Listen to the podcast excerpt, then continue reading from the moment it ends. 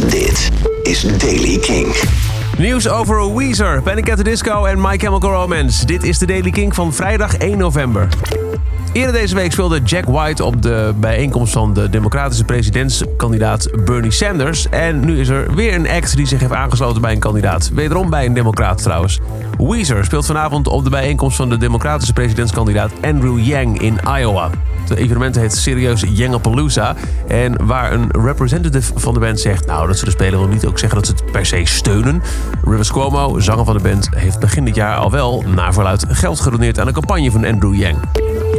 Panic at Disco staat 52 weken, een jaar lang onafgebroken op nummer 1 op de Hot Rock Songs Chart. De Hot Rock Songs Chart. In één keer goed. Twee keer. Van Billboard, de Amerikaanse rocklijst. Ze doen dat nu al 41 weken met High Hopes. Daarvoor stonden ze 11 weken op nummer 1 met Hey Look Ma, I Made It. 52 weken dus in totaal.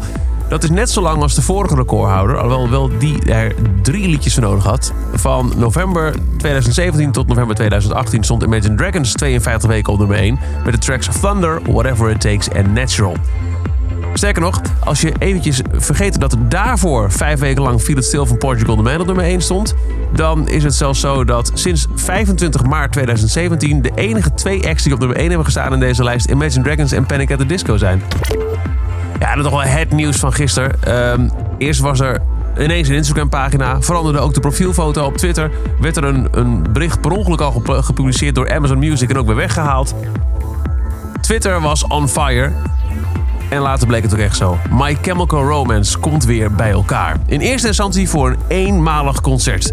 Dat geven ze op vrijdag 20 december in de Shrine Expo Hall in Los Angeles. En vandaag begint de ticketverkoop.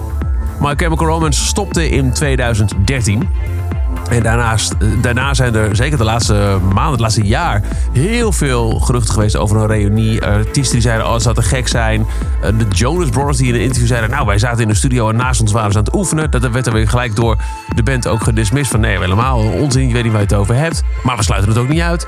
En nu is het echt zo. My Chemical speelt voor het eerst in zeven jaar weer een concert. Vooralsnog eenmalig, maar er zijn bronnen die beweren dat er meer aan kan komen. Ongetwijfeld zullen we dat nou, op zijn laatste om 20 december zelf al te horen krijgen, neem ik aan.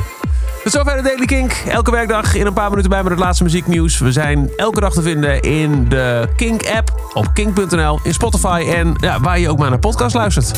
Elke dag het laatste muzieknieuws en de belangrijkste releases in de Daily Kink. Check hem op kink.nl of vraag om Daily Kink aan je smart speaker.